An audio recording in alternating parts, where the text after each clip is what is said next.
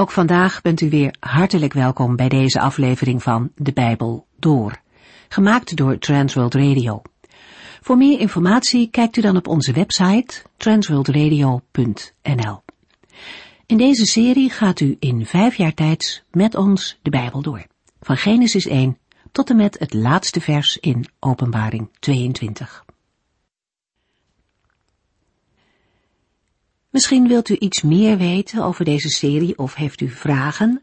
Belt u ons dan op 0342 478432 of stuurt u een e-mail info at In de vorige uitzending begonnen we met Psalm 44. Deze klaagzang van het volk vormt één geheel met de voorgaande psalmen 42, 43 en ook met 45. Het volk heeft een militaire nederlaag geleden en zucht onder de gevolgen daarvan. Het ligt het meest voor de hand om deze psalm in de dagen van Hiskia te plaatsen, toen een aantal Judeërs door de Assyriërs gedeporteerd werd. In deze psalm verwoordt de dichter de onschuld van zijn volk. Het maakt de ballingschap voor hem des te onbegrijpelijker. En toch keert hij zich niet van de Heer af. Ook al begrijpt hij de Heere God niet, hij zoekt wel hulp bij zijn God.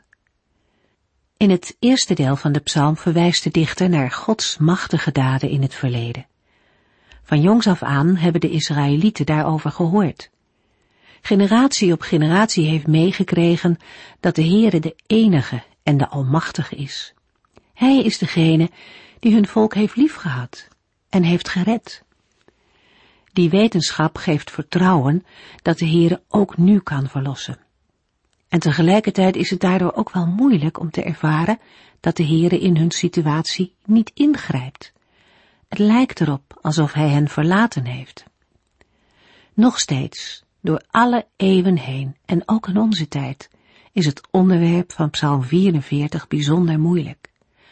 Waarom laat God het toe dat mensen die hem liefhebben moeten lijden? Ook voor christenen is dat een niet makkelijke vraag. Leven met de Heere betekent niet automatisch een leven zonder zorgen. Paulus schrijft daarover in Romeinen 8 en haalt dan ook deze psalm aan. Hoe moeilijk het leven op aarde ook kan zijn, uit dat gedeelte blijkt dat we één ding mogen vasthouden. Lijden is geen enkele reden om aan te nemen dat God niet meer naar ons omkijkt. Zijn genade en zijn overwinning staan vast. Daar hoeven we nooit aan te twijfelen.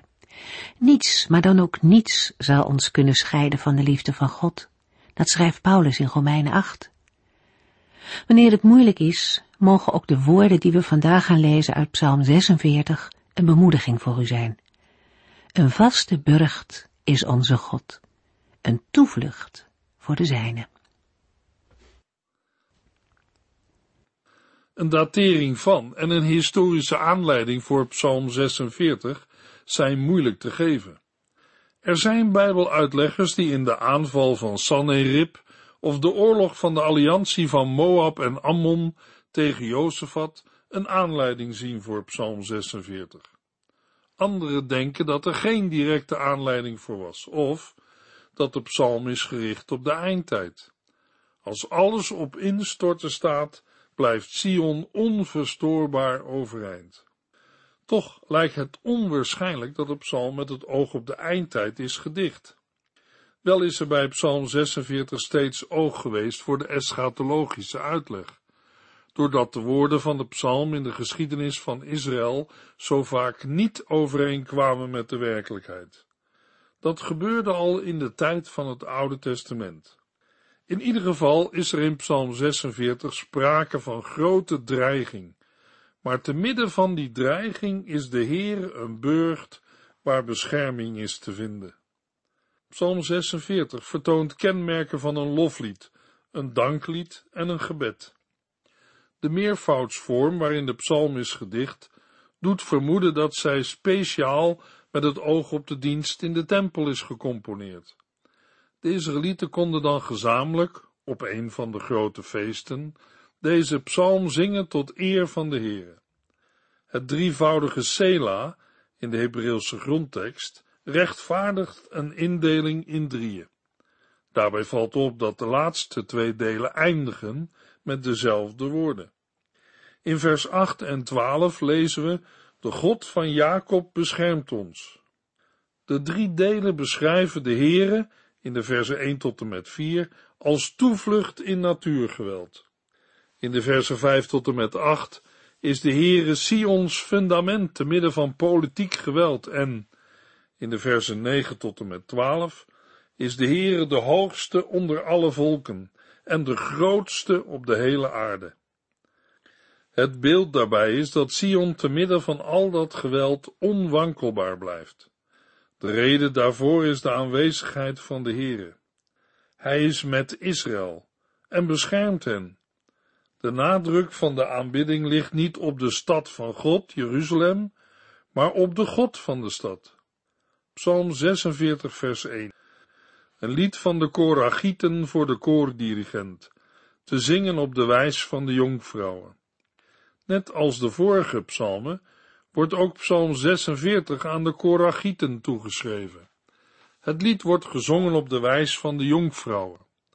Mogelijk moeten we daarbij denken aan een melodie, maar het kan even goed een aanwijzing zijn voor de toonzetting. Psalm 46 zou dan gezongen moeten worden door sopraanstemmen. Psalm 46, vers 2 tot en met 4. Bij God vinden wij bescherming. Hij is onze kracht. In de moeilijkste omstandigheden bleek steeds weer dat Hij ons te hulp komt. Daarom kennen we ook geen angst, al nam de aarde een andere positie in, en al scheurden de bergen die op de zeebodem staan. Laat het water maar bruisen en kolken. Laten de bergen maar wankelen door de kracht van het water. De openingswoorden zijn een beleidenis. Ze beschrijven het karakter van de Heere. Ze vormen een samenvattende inleiding van heel Psalm 46. De centrale gedachte wordt in de versen 8 en 12 als een refrein herhaald. De Israëlieten hebben de Heere leren kennen als een sterke schouwplaats. In slechte omstandigheden heeft de Heere zichzelf als hulp bewezen. De nood waarover wordt gesproken, wordt in de rest van de psalm verder uitgewerkt. Steeds is de Heere in verschillende moeilijke situaties hun hulp geweest. Hij heeft zijn volk niet teleurgesteld. Het geweld dat wordt beschreven is enorm. Het boezemt grote angst in. Alles wat zeker is lijkt te verdwijnen, maar de Heere verdwijnt niet. Hij is zo sterk dat niets hem kan doen wankelen. Psalm 46, vers 5. Jeruzalem verblijdt zich over haar rivier. De stad van God, die het heiligste huis van God, de Allerhoogste is. Het beeld van het water blijft, maar staat haaks op het bruisende water uit vers 4. Het ligt voor de hand om bij de stad van God aan Sion te denken. Maar de situatie van Sion of Jeruzalem komt niet overeen met de beschrijving van een vertakte rivier. Wij moeten bij rivier eerder denken aan het paradijs. De stad zal het nieuwe paradijs zijn. Toch wordt al snel duidelijk dat niet de stad voor de veiligheid zorgt, maar degene die de stad bewoont. Sion is namelijk de plaats waar het huis van God, de tempel van de Allerhoogste staat. Bergen mogen wankelen, maar de stad van God niet, want Hij is zelf in haar midden. Psalm 46, vers 6. God woont in haar, zij zal niet snel ten onder gaan. Elke dag opnieuw helpt God haar. Psalm 46, vers 7. Volken voeren oorlogen en koninkrijken wankelen. Maar wanneer God zijn stem verheft, krimpt zelfs de aarde ineen. Net als de bergen, de fundamenten van de aarde, kunnen ook koninkrijken wankelen. De oorzaak daarvoor zijn machtige volken die op oorlog uit zijn. Dat heeft grote gevolgen voor de koninkrijken die worden aangevallen. Maar de Heere, de God van Israël, is boven iedere macht verheven. Als hij zijn stem verheft, krimpt zelfs de aarde ineen. Psalm 46 vers 8 De Almachtige Heere is met ons, De God van Jacob beschermt ons. De Heer is de God van Jacob, een naam die regelmatig naar voren komt in verband met hulp in nood. Het is ook de naam die het verbond in herinnering brengt en teruggrijpt op de belofte aan Jacob in Genesis 28. De Heere beschermt zijn volk. Psalm 46, vers 9 en 10. Kom maar en kijk naar alles wat de Heere heeft gedaan. Hij richt verwoestingen aan op aarde. Hij laat overal de oorlogen ophouden, breekt de wapens doormidden en verbrandt de strijdwagens.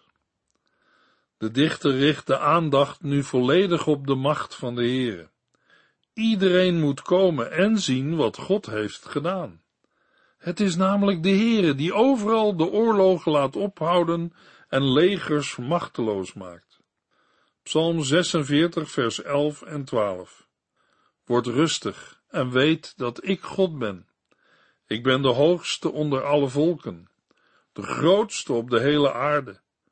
De Almachtige Heer is met ons, de God van Jacob beschermt ons. Die wetenschap is de basis voor het vertrouwen van Israël, en daartoe roept de dichter van Psalm 46 op. In de woorden van Psalm 46 klinkt de eschatologische verwachting van het koninkrijk van God wel door, maar is nog niet duidelijk zichtbaar. In het Nieuwe Testament lezen we ook, net als in Psalm 46, vers 5, over een rivier in het Nieuwe Jeruzalem. Zo doet de toekomstige stad van God denken aan de Hof van Ede met de paradijsrivier en de boom des levens. Het einde van de geschiedenis lijkt op een volmaakte vorm van de begintoestand. Luther werd door Psalm 46 geraakt en geïnspireerd en dichtte vervolgens zijn lied Een vaste burcht is onze God.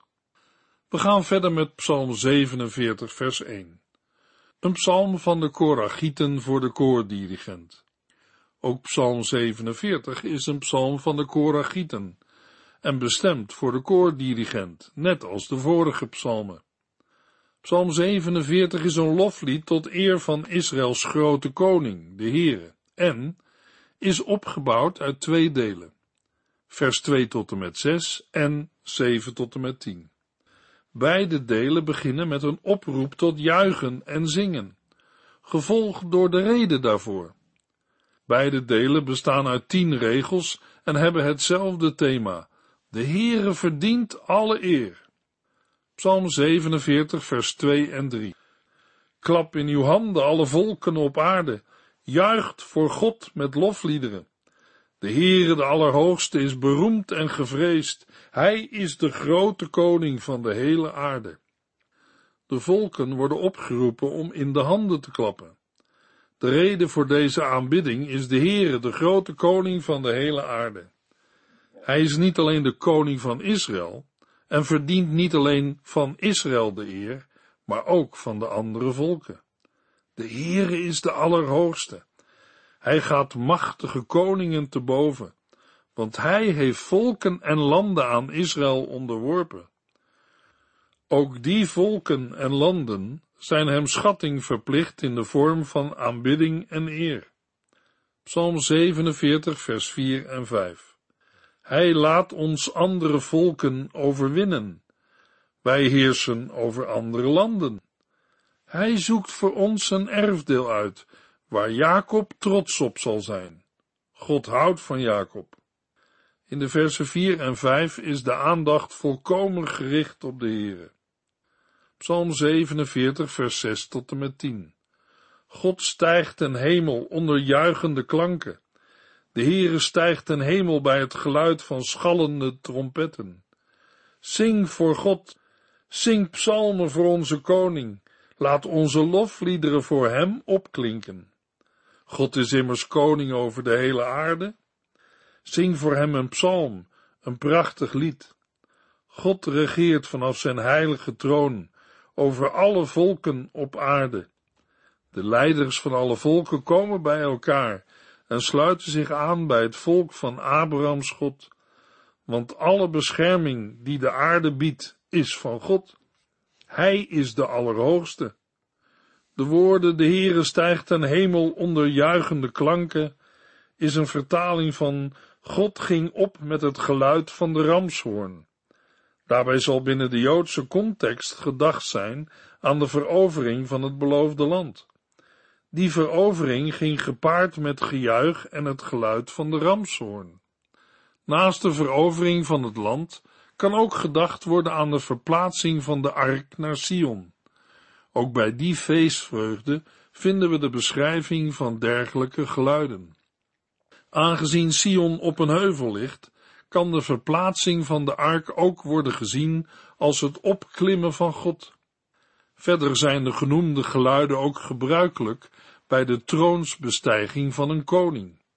De taal van deze verzen wijst ook in die richting. Het tweede couplet van de psalm, de versen 7 tot en met 10, herhaalt in grote lijnen wat in het eerste al werd gehoord. Het onderwerp van het loflied is de Heere. Hij wordt onze koning genoemd. De reden voor de lofzang is opnieuw de heerschappij van God. De Heere heeft zijn heilige troon bestegen. Deze troonsbestijging is symbolisch zichtbaar gemaakt door de ark van het verbond naar Jeruzalem te brengen.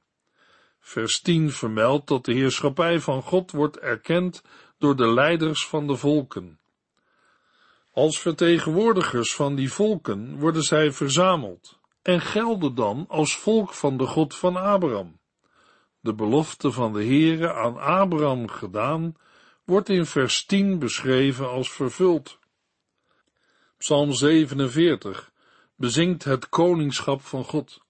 De Heere is de enige God. Hij regeert en daarom verdient hij de eer van alle volken op aarde. Deze belijdenis is bijzonder krachtig, met name omdat Gods heerschappij in het heden lang niet altijd wordt ervaren.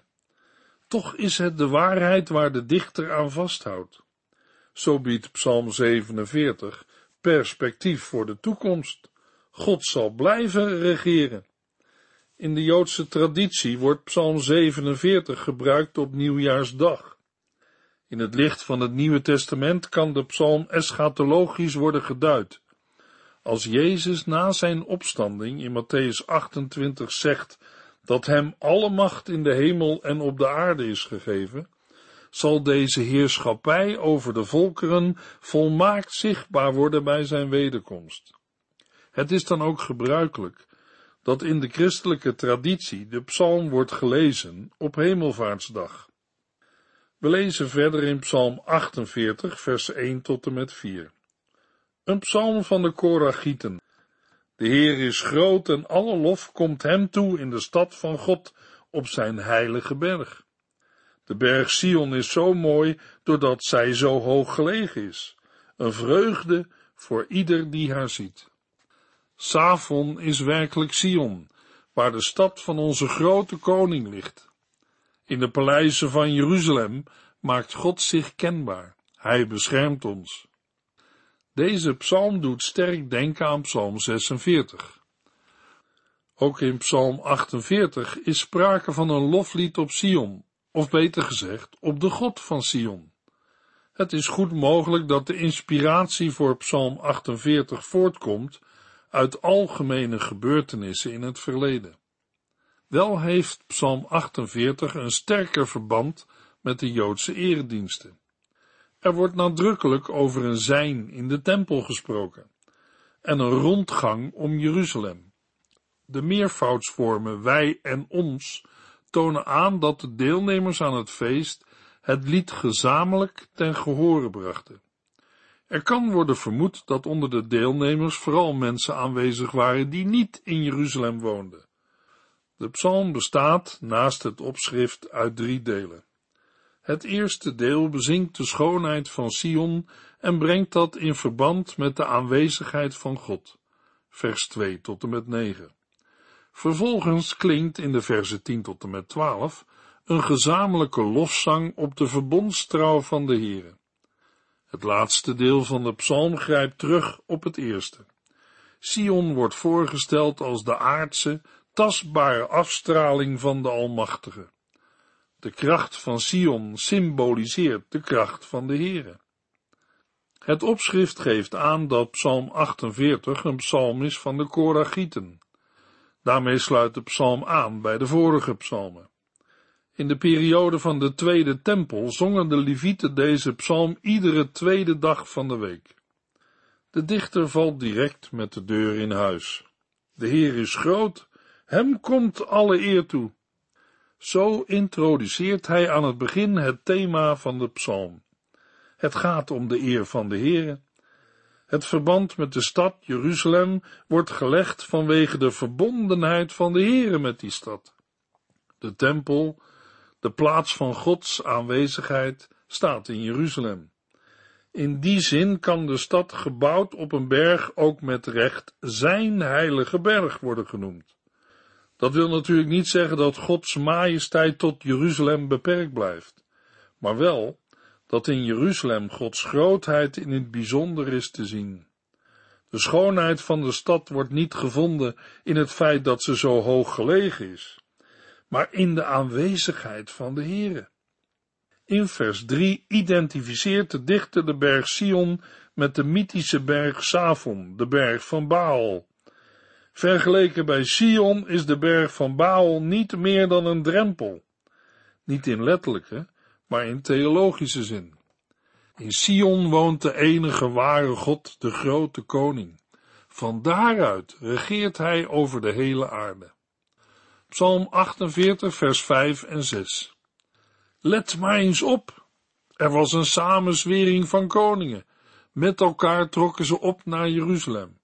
Maar zodra zij er kwamen en het zagen, waren zij verbijsterd. Van schrik sloegen ze op de vlucht. Koningen verzamelden zich met het doel om Israël aan te vallen.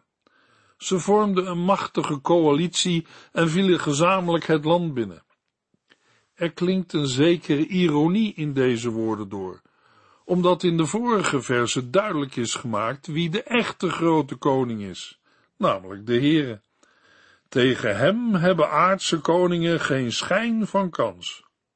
In vers 6 wordt duidelijk dat de koningen Gods handelen zien en van schrik op de vlucht slaan. Zo gruwelijk is hetgeen ze zien. Psalm 48, vers 7 tot en met 9. Zij sidderden angstig als een vrouw die een kind baart. U laat de schepen van Tarsus door de oostenwind vergaan. Eerst hadden wij ervan gehoord, maar later zagen wij het zelf in de stad van de Almachtige Heere, in de stad van onze God. Hij houdt de stad in stand.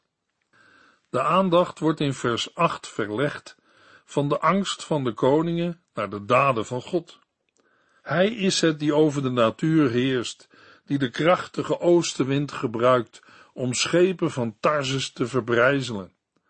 De gedachte erachter is dat de Heere de heerser is en met gemak de macht van de mens kan breken, of het nu om legers of om grote zeeschepen gaat. Door zulke daden van de Heere wordt het vertrouwen in hem sterker en gevoed.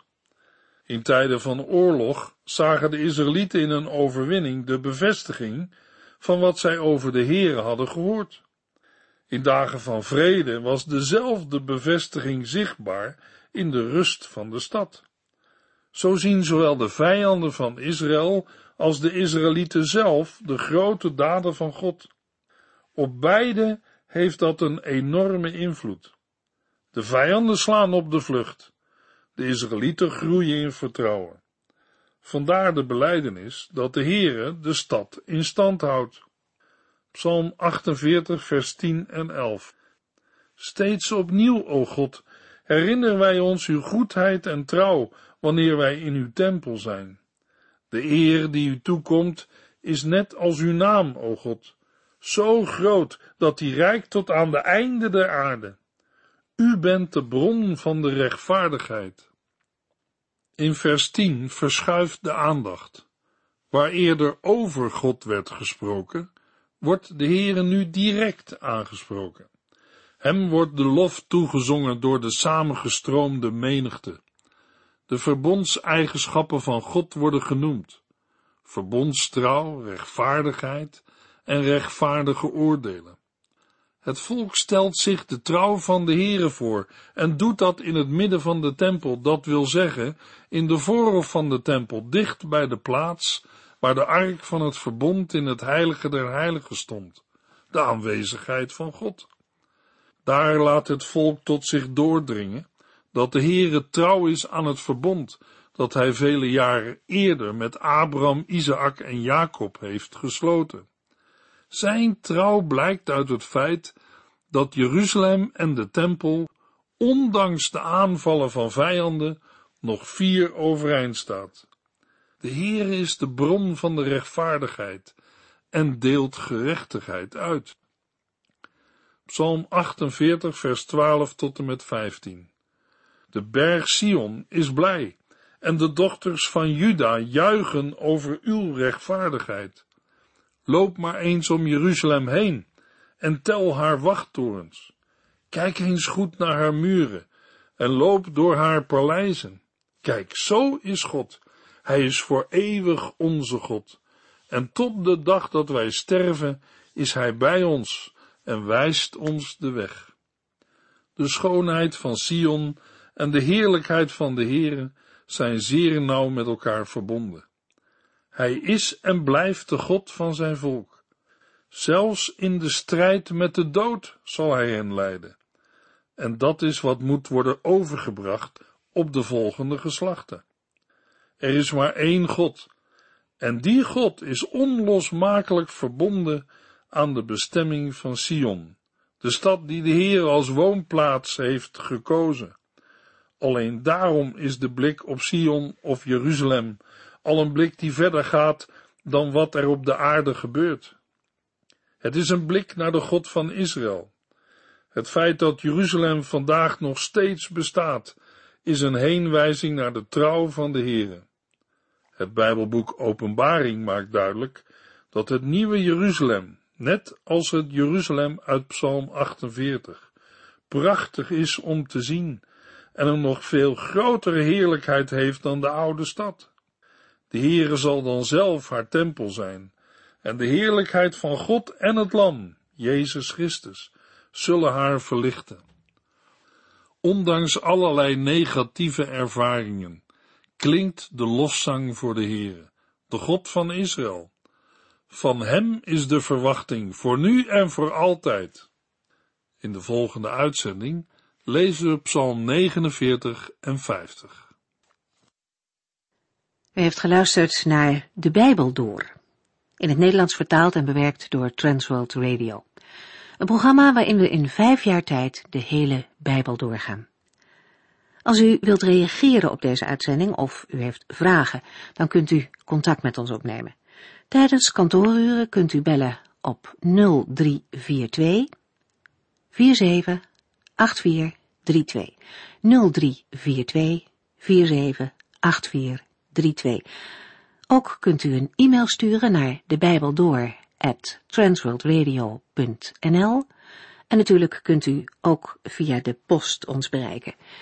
TWR, postbus 371, postcode 3770, AJ in Barneveld. Dit programma werd gepresenteerd door Cor Weda en Ike André. Techniek was in handen van Odin van Voerkom. En wij allemaal bedanken u voor het luisteren. Graag tot de volgende keer.